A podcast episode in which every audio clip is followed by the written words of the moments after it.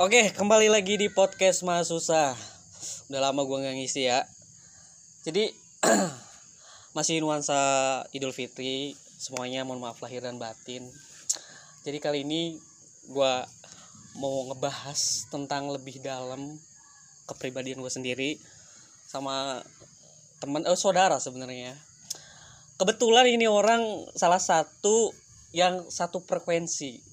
Ini bukan cewek, cowok eh, dia tuh apa ya bisa disebut mentor gue juga soal ngebahas tentang sosial tentang kepribadian bahkan tentang cewek. Jadi gue inget banget.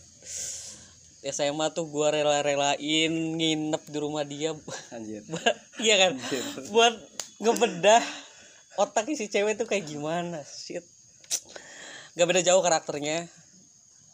Gue gua bilang dia tuh apa ya eh lo tuh playboy. Gua juga sih dikit doang. Pada masanya ya? Pada masanya. Pada masanya. Bisa jadi kalau pada masanya. oke. Dan dia juga santri. Nah ini bertolak belakang nih. Gue nggak pernah apa eh, tanya sedalam ini. Lu kan dulu eh, kenalan dulu kali ya? Siapa Boleh, namanya boleh, cuy? boleh. lupa gue Jadi gua kenalin nih. eh. Nama gua asli Samsul Hidayat, Samsul Hidayat. Tapi gua biasa sama teman-teman di rumah di kampus. Dari dulu sih emang Ah. dari SMP.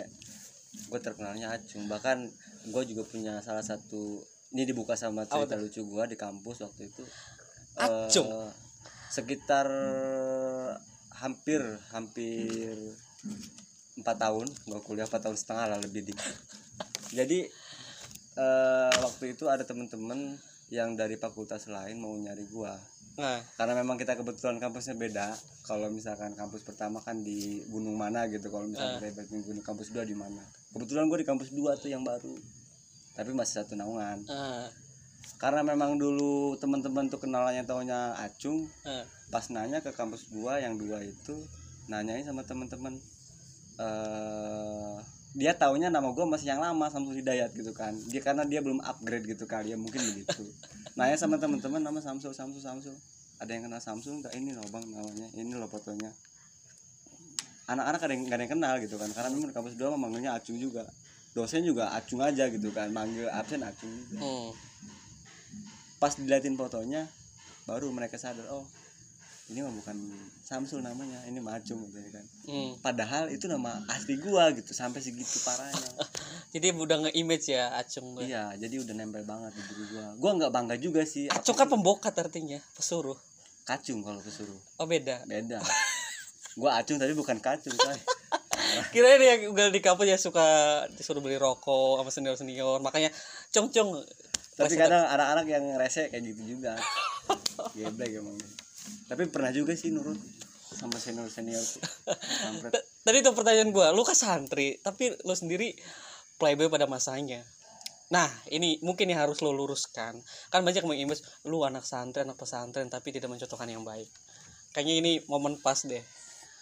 Kan banyak juga anak santri yang tanda kutip bangsat bangsat ya. Hmm. tapi kita kayaknya nggak boleh nggak image pesantren itu jelek juga. Pembelaan lu kayak gimana?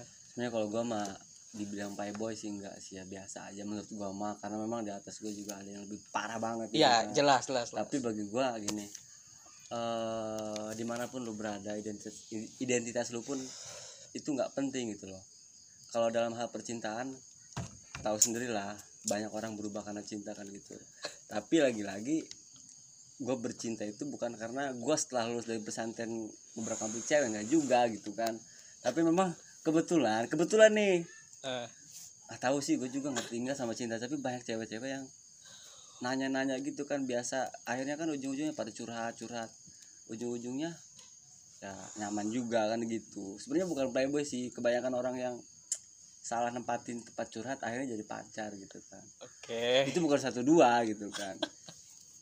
Cewek- Tapi- sih yang nggak mau kan iya tapi dibalik curhatan cewek itu lu manfaat ke sesuatu kan ya kalau laki-laki pasti ada omes-omes sedikit dikit. Tapi nggak juga sih. Nggak semua ya nggak semua. Karena gini bagi gua kalau misalkan ke cewek-cewek gitu ya selagi kita masih bisa berbagi berbagi apa pun itu pengalaman gitu ya. Biasanya kan eh apa sih yang yang curhat-curhat ke gue sama cewek-cewek itu bukan seumuran sih di bawah-bawah umur biasanya kan. hmm, ada ada tingkat ada imut-imut gitu ya. Jadi bukan pacaran loh jadi kayak ada kakaan bangsat gitu lah. Ada kakak ada kakak tapi suka geblek. Ya begitulah. Eh lagi lagi zamannya sih ya. Iya pada masa itu sebelum gua nikah gitu. oh sekarang udah nikah ya? Eh, nanti nanti kita bahas deh. Iyalah. dan nikah yang penuh tragedi.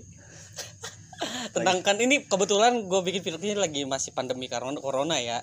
Jadi nanti nanti deh itu pertanyaan selanjutnya tadi image santri itu lu beban nggak kayak lu kan santri keluar berapa tahun kuliah apa santren Enam tahun? pesantren gue lulus tahun 2013 tapi lulus loh lulus SD langsung kak Iya, gitu kan? lulus sih langsung pesantren 6 tahun, pesantren modern gitu ya di sana Ah. kan eh, pulang juga jarang ya.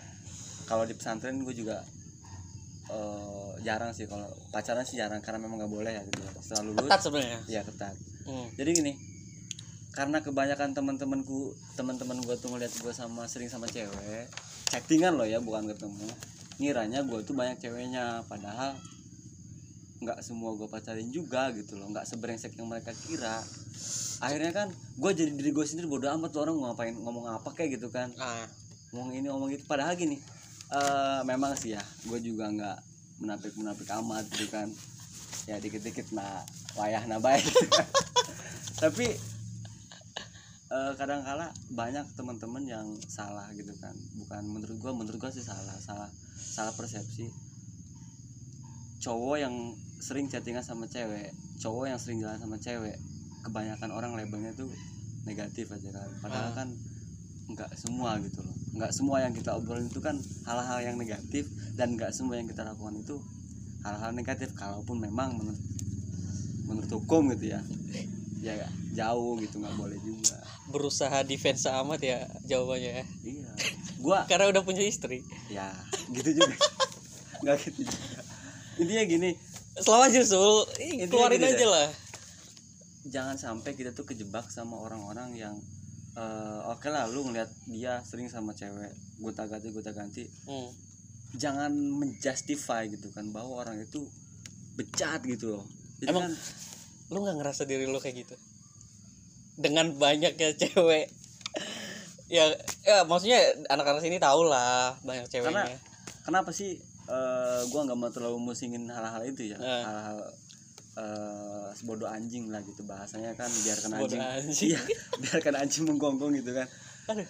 akhirnya mereka ngomong begini mereka ngomong negatif ya gua yain aja karena gua nggak mau pusing-pusing amat kan gitu ya walaupun eh, kadang-kala berat juga sama nama nama gua sebagai santri gitu kan. Hmm. tapi kan gini ingat kita nggak harus terlalu fokus sama orang-orang yang nggak tahu dari kita sebenarnya seperti apa gitu. Mereka taunya cuma sekilas pandang sekilas pandang gitu. Gitu aja sih. Simple gue hidupnya Oke, di sini bukan berarti kita mau sombong-sombongan ya, banyak cewek segala macam ya. Cuman gue ngerasa ya kebadungan kita dulu itu cuma jadi progres hidup aja sih, proses hidup kenakalan-kenakalan kan nggak semuanya. itu bisa jadi eh, tapi sekarang udah mulai berubah kan. kalau nggak kalau gue dulu kenapa sih gue sering nemeng nemeng nemengin Cewek. foto-foto cewek Ah, di ah. di ses- sosial media gitu kan karena eh, pada masa itu gitu kan Itu ngerasa keren. keren terus terang aja gobloknya gue gitu kan ngerasa bangga Iya. padahal ceweknya nggak nggak gue apa-apain gitu loh cuma sekedar kita foto selfie kita upload ya padahal kita nggak bilang ini pacar gue ini pacar gue tapi teman-teman ya macam-macam Hmm. sampai pada akhirnya banyak uh, apa yang namanya ya tadi itu justify justify dari teman-teman yang tahu gua cuma sebelah mata doang gitu.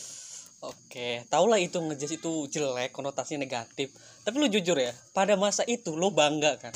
bangga bangga kalau gua diakui Cowok cowok mana pun bangga sebagai, pasti. sebagai seorang playboy dengan uh, kapasitas muka gue yang nggak terlalu ganteng-ganteng amat gitu loh tapi nggak ngeni dikit gitu. Hmm. udahlah kita jangan terlalu bahas lama Oke oke oke ya. gue kadang-kadang kadang geli sendiri kalau dengerin hal-hal itu aduh Iya itu lagi-lagi kan proses hidup bangsa-bangsatan hidup tuh kadang itu buat pelajaran buat ke depannya nggak se- seterusnya bakal bangsa terus karena memang eh, lu, lu nih yang masih remaja eh, yang bukan remaja ya maksudnya eh, umur masih anak kuliahan lah ya. lima- 25 tahun ke bawah lu harus ngerasain hal itu dulu gitu kan buat jadi diri lu sebenarnya seperti apa sekarang gitu. Kalau lu nggak pernah ngerasain hal-hal itu eh lu nggak tahu goblok lu di sana dulu tuh kayak gimana gitu loh. Oke. nah sekarang kan bisa kita eh, perbaiki. Kalau beda loh kalau orang kalau orang dulunya nakal sekarang baik. Eh kalau kalau dulu orang baik sekarang nakal itu kesannya kan eh, apa namanya ya jelek banget gitu kan. Tapi kalau orang dulunya kelihatannya bejat Ah. atau bahkan mungkin bejat sekarang berubah nah itu ada poin plus dari teman-teman lain dari orang lain. Walaupun memang gua nggak ngerasa gua berubah dari masa lalu gitu berubah, berubah, berubah amat gitu. Gue ingat kata-kata gini eh laki-laki itu dilihat dari masa depannya perempuan dinilai dari masa lalunya. Contoh Ustadz Jeffrey Bukhari. Dulu kan dia pemabuk segala macam tapi di akhir hidupnya dia kan jadi kiai. Maka yang diinget itu udah ustadznya aja. Tapi kalau perempuan dulunya baik eh dulunya buruk sekarang jadi baik itu yang inget dulunya. Contoh Luna Maya. Luna Maya misalkan hijrah nih ya. Tapi yang orang di pikiran tuh "Ih, video sama Ariel udah itu. Doang." Pengen tau Lu setuju alasannya, alasannya kenapa? kenapa tuh? Ya gue setuju sama persepsi itu setuju. Karena gini. Eh, lu pernah dengar sih kata-kata orang kalau cewek mah ada bekasnya benar gak sih? hamil Bukan, bukan soal hamil kalau cewek mah ada bekasnya. Contoh gini. eh, Oke lah kita buka nih. Ada beberapa Wah ini mah terlalu dalam nih kita ngomongin.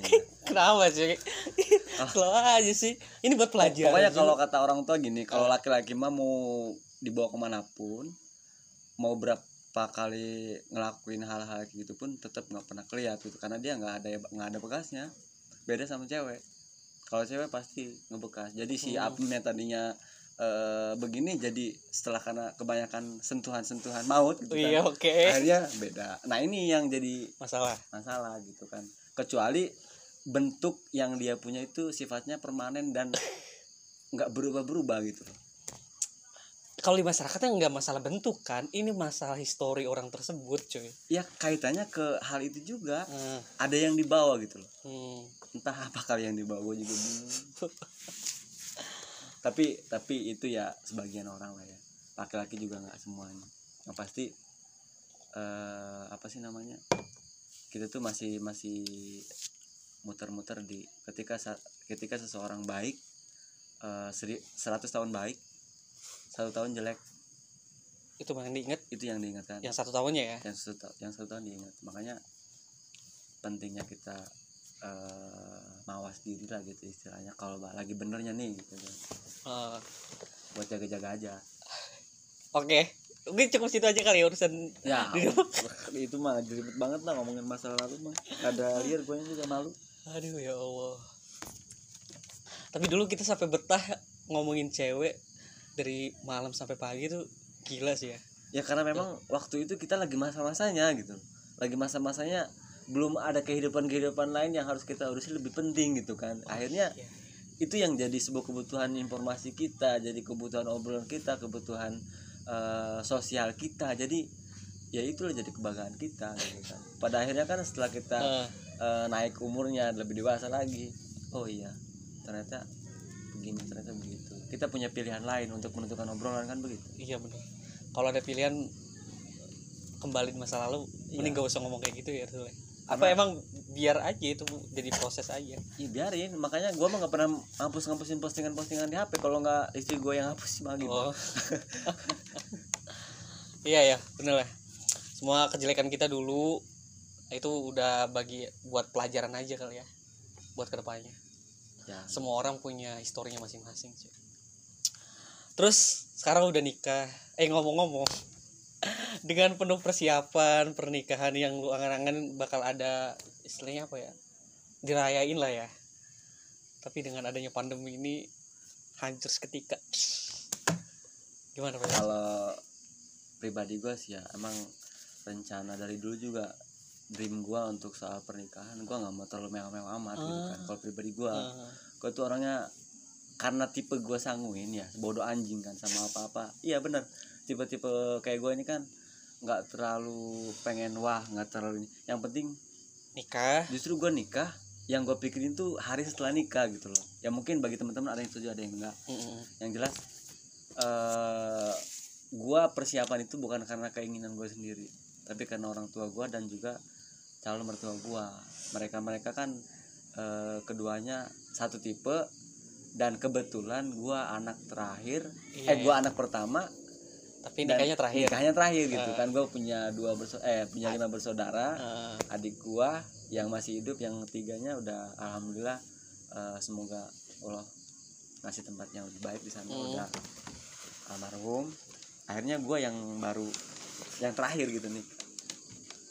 Ya gitu karena eh, mertua gua sama orang tua gua itu udah nyiapinnya sekitar satu tahun yang lalu soal pernikahan ini. Tapi lagi-lagi gua ngebantah eh, gua nggak mau terlalu mewah-mewah amat. Adapun mereka mau ya silahkan gitu kan. Hmm. yang pasti yang lebih penting itu kan kehidupan setelah akad gitu ya. Kalau gue sih gitu. Makanya ketika ada pandemi corona Lu itu semua dibatalin. Gue mah biasa aja. Oh nggak terlalu kepikiran ya? Biasa aja. Yang yang yang ribut justru tetangga orang tua teman-teman. Cung gimana ini segala macam undangan udah macam-macam. Tapi ya lagi-lagi gue biasa aja gitu kan. Cuma kasihan emang orang tua gue juga udah persiapan ya. siapan hampir 70% lah. Udah 70 persen. Ya. Ribet nggak nikah pas corona tuh? Eh dari Kan bukan ribet bukan ribet justru ada hal-hal yang unik. Kita tuh kembali ke kayak ke masa lalu. Gimana tuh? Menikah tanpa ada resepsi menikah tanpa ada musik menikah tanpa ada eh, apa ya namanya kerumunan gitu kan. Hanya satu dua tiga orang. Ya mungkin banyaknya sekampung yang tahu gitu kan. Itu di sisi ke- keunikannya tapi memang ada kesedihan juga. Gua nikah masa harus pakai masker akan pakai masker. Istri gua kayak Aisyah aja pakai oh pakai cadar. cadar. aduh anjir. Terus lebih gilanya lagi polisi nongkrongin uh, uh, ada di situ apa kayak kayak gue lagi tahanan dilepasin Oh, sementara iya. mau dimasukin lagi gitu. Kan kayak break gitu kata gue gitu tapi itu kan lagi lagi gencar-gencarnya corona banget tuh kan. Tuh takut nggak?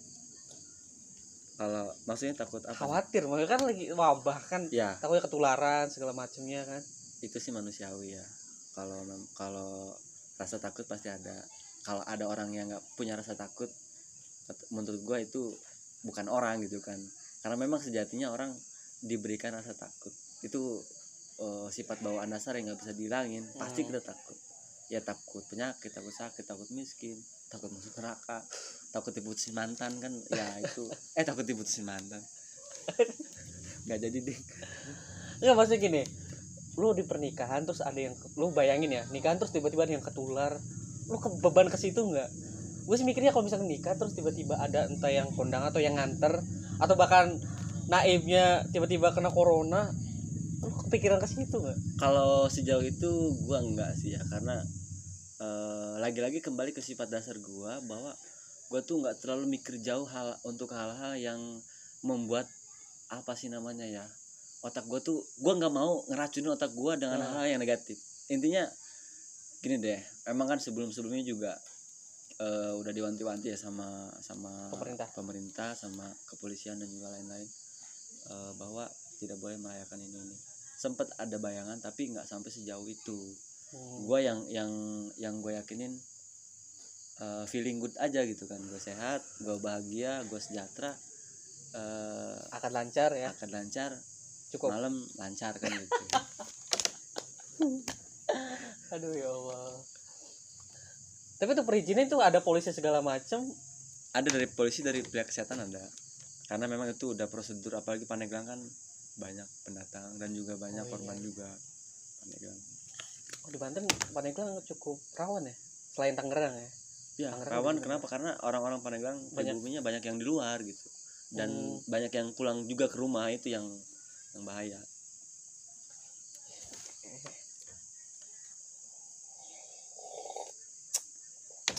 Tapi di momen pandemi juga nih selain lu kan lihat nggak tuh orang yang nikah terus dibubarin polisi? Banyak. Gimana perasaannya kakek lu enak lu sebelum ngadain acara terus di cancel buat sementara kan? Ya. nah ada orang yang bener-bener udah bikin acara terus dibubarin. Aduh ya allah. Karena Sian. goblok orangnya kata gue mah. Gobloknya apa? Udah tahu pemerintah udah ngasih himbauan kan? Eh, udah ngasih mandat sampai ke pihak RT sampai semua lah udah sosialisasiin. Masih maksa aja kan? Iya, Ya. tapi dari segi sosial. sosial gua ya kalau kita ngelihat segi sosial sih antara ya tadi tuh ya Ah. antara antara eh, apa sih namanya ya pro atau kontra. Pro kontra itu udah biasa. Tapi gue juga punya dua versi. Yang pertama gue juga nggak nyala- nyalahin si apa sih namanya si Polisi apa yang eh, yang hajatnya juga. eh, nyalahinnya kenapa? Karena sebelumnya udah disosialisasiin kecuali pemerintah belum sosialisasi. Yang kedua sangat menyayangkan sama pihak-pihak eh, Kepolisian. kepolisian yang menurut gua sedikit lah ya sedikit anarkis Eh, mungkin itu karena oknum aja kali ya. ya nggak semua ya Nggak semua. oknum karena gua tahu di depan mata kepala gua juga di daerah sebutin jangan daerahnya Gak usah, gak usah. Gak usah ya salah satu daerah dan kebetulan tetangga gua Eh. seangkatan nikahnya kita cuma beda seminggu itu sampai di acak-acak sampai dirubuhin sampai mau diancam ini segala macam lah dan itu posisinya masih banyak orang yang kondangan baru satu jam baru satu jam dari Baru satu jam jalan ah. acara. acara udah itu harusnya kan kasih peringatan dulu ini tenda mau kita rubuhin tolong Ah. persiapin Iya, iya, iya. nah ini yang lebih parahnya kan langsung nah ini yang sangat disayangkan gitu Oke, disclaimer dulu ya. Sebelumnya kita nggak menyalahkan polisinya, karena mungkin itu udah jadi kewajiban dia, udah Betul. tugas dia. tugas Tapi ala kadarnya lebih baik. Kan ini kita lihat viral ya di mana-mana, kita nggak bisa bohong.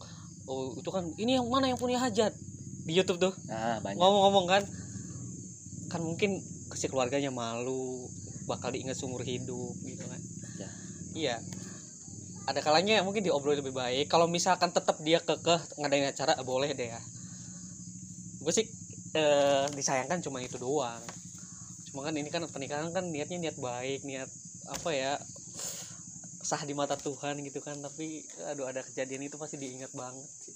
itu jadi momen ter apa ya? Satu sisi emang seneng ya ya. nikah. Satu sisi ya. Aduh ya Allah. Tapi gue sih happy aja alhamdulillah. Karena eh, ada baiknya juga dan juga pokoknya setiap permasalahan apa pun itu pastilah teman-teman juga tahu. Lu juga tahu lah ada positif dan negatif. Tinggal cara kita merespon cara kita merespon itu mau diambilnya ke sisi mana gitu Ah, Nah, jangan sampai eh, kita mengklaim segala sesuatunya menurut sudut pandang hanya subjektif subjektif lah. iya. Ah. Makanya harus gue sih nggak nyuruh lu belajar banyak hal soal kehidupan dan lain-lain gitu kan maksudnya eh, pikiran kita jangan sampai terbelenggu di hal-hal negatif aja dalam setiap masalah gitu kan Hmm. harus terbuka ke positif karena kalau misalkan situ terus negatif terus sama eh, corona sama peraturan dan lain-lain Hmm. udah kita mati kutu otak kita kan kalau di ini katanya ya kata kata dokter tapi juga nggak tahu juga sih kalau misalkan otak kita setelah dimasukin hal-hal negatif merespon segala sesuatu dengan negatif kejadian buruk lebih sering terjadi ke diri kita sendiri. Ya karena itu sugesti. Sugesti pikiran kemudian perasaan. Hmm. wah ini kayak psikologi. Justru mungkin kita sebenarnya harus berdamai sama pandemi ini kali ya. Nah itu. Itu setuju itu. Tapi bukan berarti kita harus menyepelekan juga. Terlalu khawatir jangan. Kita sedang-sedang aja kali ya. Terlalu khawatir nggak boleh. Tapi me- menyepelekan juga yang nggak baik. Ya itu udah pasti. Karena kan eh, sebelum kita pasrah kan kita harus tawakal dulu. Sebelum Faida azam tawakal kan? iya sebelum sebelum tawa sebelum tawakal kita harus ikhtiar dulu. Gitu kan sih? Iya, benar, benar. iya kan? Tapi ngomong-ngomongin corona nih. Lu kan banyak teori konspirasi konspirasi ya Ya, buatan segala macam lah. Lu ngelihatnya kayak gimana? Jujur ini pendapat orang-orang bego ya, aja sih ya kita aja nih gua mah nih ya ini mah nggak baik banget sih buat buat didengerin sebetulnya ya. Karena setelah adanya corona kehidupan kita itu bukan 70% loh ya 90% berubah. Iya. Tapi lagi-lagi bukan berarti tadi itu ya kita eh, takut jangan kemudian kita nantangin juga jangan. Yang pasti gini kalau memang eh, kita nggak mau tertular ataupun nggak mau kena gitu ya. Stop ngeliatin berita-berita terkait hal-hal itu. Karena gini maksudnya gini eh tadi kan bilang menurut pandangan lu konspirasi konspirasi dari beberapa orang ter, eh, mengenai corona kan banyak tanggapan begini begitu. Menurut gua sih ini mah bisnis media. Sebetulnya bisnis media. Karena kan sebelum ada corona pun ini kan gue punya salah satu catatan penting data ya yang yang gue dapat dari apa sih namanya kemarin lah dari SP siapa gitu gue baca. Apa sebetulnya yang lebih berbahaya itu bukan corona gitu kan kanker. Karena kanker itu sekitar Iya, 18,1 juta kasus dengan angka kematian 9,6 juta. Hmm. itu eh, lebih parah gitu kan daripada corona. Tapi kenapa sih yang disorot sekarang corona corona corona entahlah dengan apa yang dimaksud dengan media buat keuntungan beberapa pihak nah tertentu. makanya kita harus eh, karena kan gini jangan panik jangan panik jangan panik tapi kita selalu disuguhkan dengan kepanikan. Eh. ya karena memang itu eh, apa namanya ya pekerjaan mereka gitu kan. Pekerjaan mereka ya menginformasikan eh, sesuatu kepada masyarakat tugas mereka nah tinggal pinter-pinter kita bagaimana caranya. Lagi-lagi kembali ke obrolan, obrolan tadi. Kalau otak kita selalu di eh, apa namanya sugui. disuguhi hal-hal negatif suguhi hal-hal yang menurut kita kurang suka nanti lama-lama jadi alam bawah sadar. Katanya kan begitu. Karena kan kepribadian kita berjalan seperti ini karena hasil dari apa yang kita lihat hasil hasil dari apa yang kita dengar. Betul nggak sih? Eh, makanya gue mah nggak nggak mau terlalu pusing sama media aduh Ribet banget lah kalau ngeliat media itu. Padahal kan sebelum ada corona juga kemat angka kematian di dunia kan setiap tahun udah pasti meningkat. Hmm. ya sebenarnya banyak sih kayak TBC kayak bahkan kecelakaan sehari-hari itu lebih tinggi. Ya orang tabrakan orang bawa motor nggak boleh motor. Nanti orang nggak bawa nggak pada bawa motor lagi gara-gara tingkat kecelakaan yang tinggi. Ini yang gue tanya ini teori konspirasi bahwa corona ini buatan apa emang bener-bener dari Tuhan gitu sih? Dua-duanya bener. Dua-duanya bener. Eh, kalau menurut gua sih ya ini versi gua. Dua-duanya bener ini pertama gini di balik corona ini kan eh, ini menurut mereka ya yang gua simpulin lagi ada beberapa orang yang beberapa orang loh ya yang eh, ngomong bahwa corona itu adalah hasil buatan dan juga rencana sudah dari beberapa tahun yang lalu. Hmm. ya kan nah di sisi lain kita juga perlu eh, apa ya kita kan punya Tuhan masing-masing lah. Kita perlu apa namanya ya mengembalikan segala sesuatunya ke yang di atas juga gitu kan. A- apa pun eh, Tuhan kita apa pun kepercayaan ke mana pun kepercayaan kita. Tapi dua sisi ini kan saling berkaitan. Karena tidak mungkin ini terjadi tanpa ada restu. Betul nggak sih? Dan Iya. dan eh, ini nggak bisa dibuang gitu kan kalau ada orang yang bilang corona ini cuma dapat buatan manusia tanpa ada persetujuan dari yang Iya tahu kalau itu juga, kan. ya begitu maksudnya apa sih ya ya dibuat udah pasti ada yang buat gitu loh tapi kan kalau ngeliat dari sejarah wabah memang dari dulu udah ada Ya betul. Iya kan? Bahkan lebih parah. lebih parah tuh tapi ada yang bilang politik ini segala macam itu mah tergantung kita kiblatnya ke mana persepsi kita ke mana yang pasti semua ini eh apa ya namanya menurut gua ada ada rencana di balik corona ini ada kan Mungkin nanti bakal ada peneliti-peneliti yang turun setelah pandemi ini selesai kali ya. bukan peneliti setelah pandemi ini selesai memang dari sekarang juga diteliti Udah ada. Oh, Karena- oke. eh, progres kehidupan manusia sekarang itu seperti apa mereka udah tahu gitu sebagian orang Terus ada niat pemerintah dan negara-negara luar juga untuk nyari vaksin. Lo setuju nggak? Kan bisa jadi vaksin tuh sebenarnya apa ya? Buat malah nambah memperburuk keadaan. Lo sadar gak sih semenjak ada vaksin um- dulu kan gini umur manusia tuh nyampe ribuan tahun ratusan tahun tapi semenjak ada kayak polio kayak anak dulu tuh waktu SD tuh kita suntik terus orang-orang dunia tuh umur cuma 70 tahun 63 ini konspirasi yang gue baca-baca ya. Mhm. itu karena supaya memper apa mempercepat orang mati lah kasarnya gitu. Iya masuk juga. Masuk akal kan? Tapi menurut versi gue nih ya Hmm. karena gue memang belum tahu berita itu kenapa sih orang-orang sekarang tuh umurnya pendek-pendek? Kenapa tuh? Ya jawabannya faktor makanan. Oh.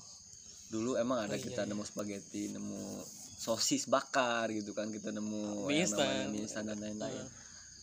ya orang-orang dulu kan kita tahu lah kakek nenek moyang kita kan kenapa sih umurnya panjang ya karena memang mereka Alami, hidupnya ya. alami gitu loh nah kalau misalkan tadi ada yang bilang bahwa ini hasil dari suntikan dan lain-lain dulu segala macam lah ya itu mereka punya persepsi tapi bagi gua gua setuju juga tapi gue juga punya pendapat bahwa dari makanan ya ini nih kita umurnya pendek-pendek sekarang juga.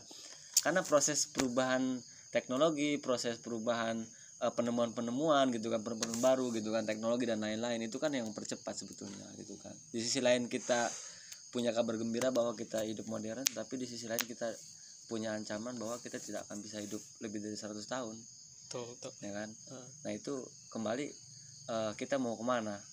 Apakah kita mau kembali ke masa lalu orang-orang dulu. Tapi kan nggak mungkin juga. Ya nggak mungkin juga ya. Ya kan?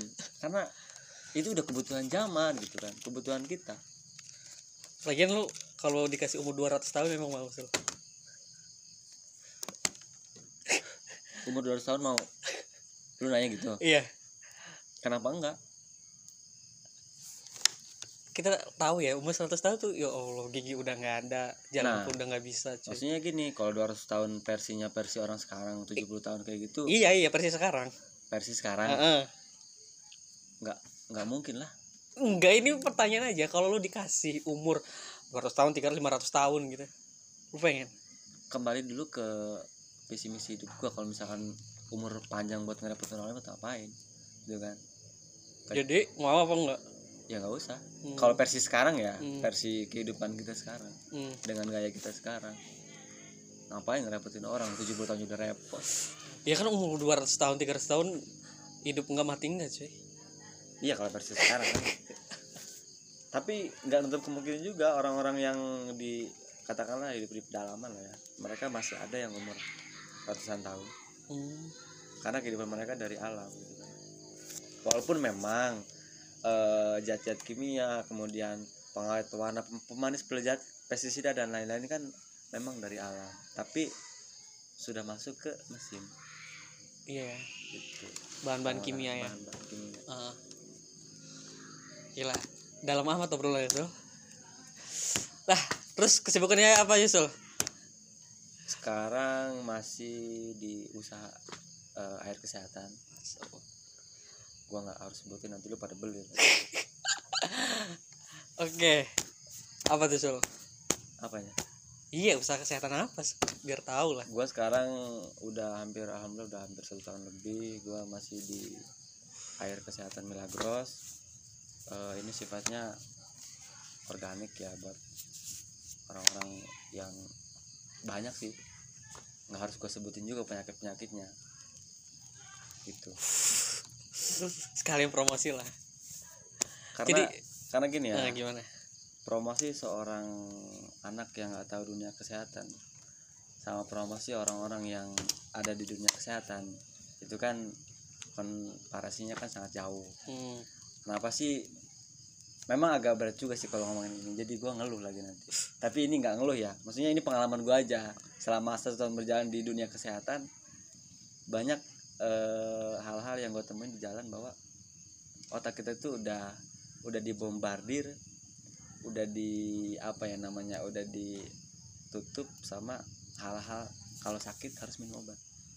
Kalau sakit Ya. harus ke dokter. Kalau sakit harus disuntik kalau sakit harus istirahat. Nah itu kan gak salah. Iya emang gak salah. Menurut gua ya hmm. menurut gua itu dulu gua bilang bahwa sakit itu masih sama ya persepsinya karena memang gua sekarang udah beda beda profesi dan juga sekarang udah mulai tahu dunia kesehatan. Pada akhirnya masyarakat lebih percaya ke, ke eh, dokter. Gitu Hmm. kan. Makanya agak kejanggalan juga ada kejanggalan ketika gua nawarin eh, air kesehatan ke orang-orang di masyarakat. Mereka lebih percaya sama obat kimia dan suntikan jarum jarum suntik maksudnya. Hmm. ketimbang sama air alkali organik yang langsung dari alam dan nggak ada campuran kimia apa pun gitu. Walaupun memang testimoni udah jutaan Indonesia udah banyak. Milagros sih udah cukup terkenal sih. Bahkan ya. Deddy Corbuzier pun di beberapa podcastnya itu nama Milagros.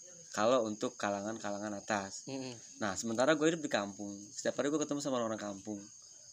Tapi Yang- sebenarnya kampung masih percaya hal-hal yang alami alami kan? Hal-hal alami maksudnya- iya kayak misalkan kalau sakit minta minum ke orang pinter ke ustad ke kiai. Masih percaya cuy nah kesehatan Milagros kan sama kurang lebih kayak gitu. Justru kita menyampaikan Milagros ini kan bukan bukan eh, kita menjual kata-kata itu ya maksudnya gini. Eh, kita kembalikan bahwa mindset masyarakat ini kita dari alam kita kembali ke alam.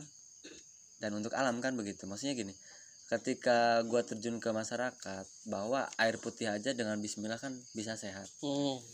tapi karena kepentingan gua sekarang untuk bisnis kepentingan gua sekarang ini untuk usaha pada akhirnya ketika gua bawa kata-kata itu kan nggak mungkin juga di depan masyarakat.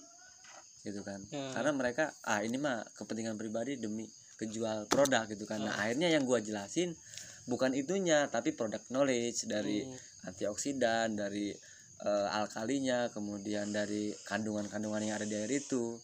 Nah justru jadi ada kejanggalan simpang siur. Gua harus ngejelasin ini masyarakat. Gue bukan dokter lu ngomongin antioksidan lu ijazahnya apa gitu iya kan? ya lu jurusnya keguruan. Gue keguruan bahasa Inggris lagi gitu kan.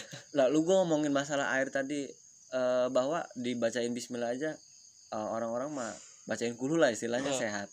Nah ini kembali ah ini mah lu bisa aja gitu kan mentang-mentang lu jual air kan? Nah ini makanya harus ada proses penyelesaian yang lumayan panjang sekitar tiga bulan empat bulan pertama. Nah sekarang sih udah mulai menikmati. Cuma kejanggalan-kejanggalan dulu aja waktu ngerintis di daerah-daerah gua gitu. Oke oke. Terus apa bedanya eh, dari minum-minuman lain tuh si Milagros kan banyak kan sekarang kayak minum kayak bahkan Aqua pun bilang itu kan dari alami dari gunung langsung. hmm.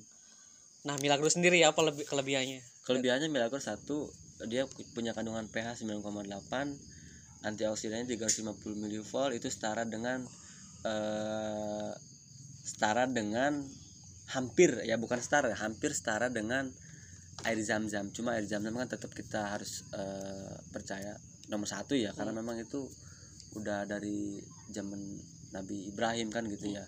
Dia itu eh, kandungan anti eh pH-nya kan 14 ya. TDS-nya 760 itu kalau nggak salah gue udah agak lupa nih udah lama banget soalnya ngebahas itu. Kalau Milagros kan eh, TDS-nya masih 350 gitu kan. Nah itu yang membedakan. Nah yang kedua yang membuat Milagros ini beda dia alami pengemasannya pun langsung pakai tenaga vakum tanpa diproses sama mesin. Hmm, jadi langsung dari sumber. Air apa sih? Ya air dari gunung gunung salak. Gunung salak? Iya parung kuda parakan Sukabumi. Sukabumi. Ya. Hmm. itu jadi yang membedakan itu dia punya kandungan alkali dan dia punya sifat bawaan eh, yang tidak bisa dimiliki oleh oleh oleh air yang lain yaitu dia punya skalar energi skalar power energi.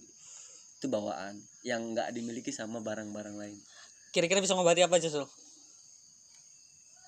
kalau gua bilang ngobatin apa aja kayaknya terlalu sombong. Ya Tapi- apa-apa. tapi yang yang lebih banyak ditangani ya Eh, itu kan kayak stroke diabetes eh, asam urat penyakit orang kaya sih asam lambung. Ada panas dingin juga banyak. Oh. Nanti orang bisa ngomong, aduh nggak ada obat pilek kayaknya nih atau buat batuk TBC kanker.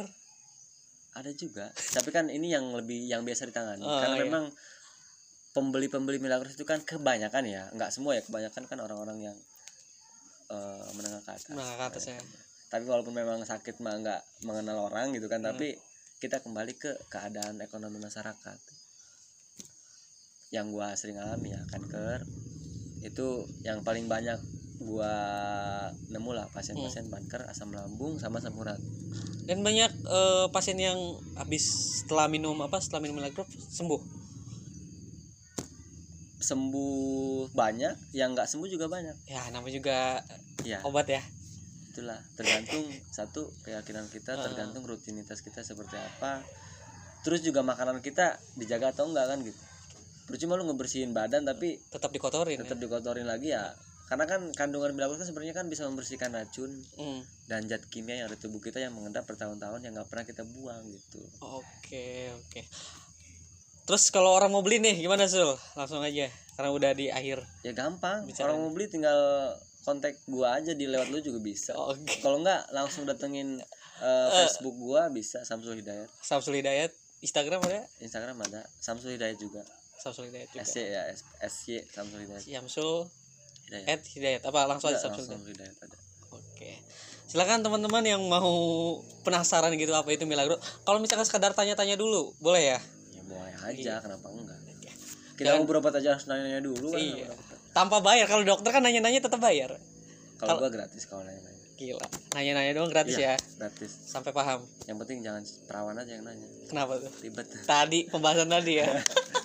Ada kakak bangsa tadi. kalau mau lewat lewat lewat apa ya kalau mau tanya-tanya via WA atau enggak Instagram Facebook juga bisa Kalau pengetahuan mereka kalau mau nyari sendiri di Bisa, sosial media boleh. banyak ya di internet juga ya. ini kalau teman-teman ada yang penasaran apa Hmm. sih kandungan Milagros sekarang kan zaman zaman canggih ya lu cari di YouTube juga Milagros langsung nongol tuh testimoninya lu misalkan ada orang nih sakit misalkan nih ada Hmm. orang sakit gatel Milag testimoni Milagros untuk sakit gatel nah itu juga pasti nongol Facebook banyak di YouTube banyak di Google banyak Instagram juga banyak hampir semua media ada Twitter dan lain-lain itu Oh. Milagros ada Oke, berarti udah universal ya. Ah, ah. lu mau beli di mana juga itu mah insya Allah banyak Seluruh Indonesia udah ada, Sul.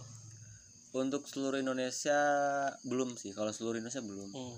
tapi sekitar 70% udah masuk Hmm, oke oke.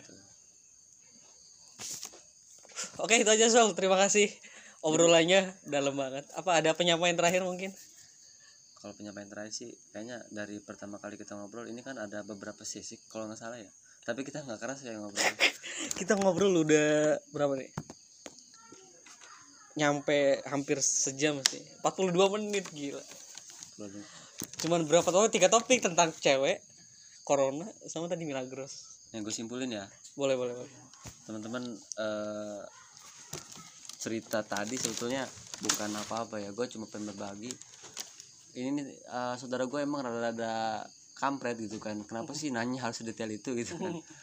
Karena eh, prinsip gue gini eh simple sih jangan terlalu fokus ke apa yang orang lain bilang gitu kan. Apa pun yang lo lakuin yang penting lu jangan ngerugi- ngerugiin orang lain aja gitu kan. Temuin passion aja sih gue mah gitu kan. Gue nyamannya di mana? Itu yang gue cari gitu kan Iya. itu aja terus eh, untuk tadi masalah apa namanya masalah corona gue nggak terlalu banyak lihat informasi masalah corona dan juga eh, pendapat-pendapat lain tentang corona yang yang pasti gue berdoa semoga, semoga lah Indonesia ini cepet Seluruh dunia dong. iya Seluruh dunia. seluruh dunia Eh, pulih kembali dan semuanya normal aktivitas dan lu juga bisa eh bisa beraktivitas seperti biasa gitu kan jangan kayak gini lagi gitu itu aja sih Iya. Betul. itu kan doa yang lagi dilakukan oleh semua orang yang di dunia gitu Iya, dari semua agama, semua suku. Semoga lekas sembuh. Ya, thank you, Sul. oke